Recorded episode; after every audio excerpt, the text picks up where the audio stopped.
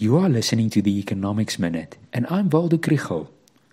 My second year students are working on an assignment that needs to answer the question How is the economy doing?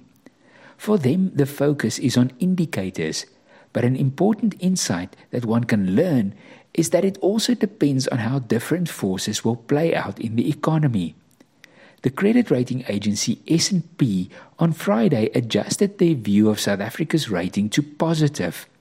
Moody's and Fitch have said before that the outlook is stable, and it seems that the weakening of South Africa's rating is a thing of the past.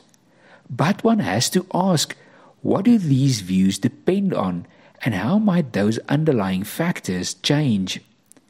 The improvement in government's budget deficit and debt position was the result of high commodity prices and a tax windfall. But will that happen again? It is also the result of fiscal discipline. At present, the public service unions are demanding a 10% wage increase, but the government is offering 1.8% and a thousand rands per month cash component. Will the government be able to stand strong when the strikes happen later? In his budget speeches, the Minister of Finance took a dim view of further bailouts to state owned enterprises. But will he be able to stick to his plan when Denel, the post office, and Prasa go bankrupt? I don't think the ratings agencies are wrong. The economy is doing okay, and many things are moving in the right direction.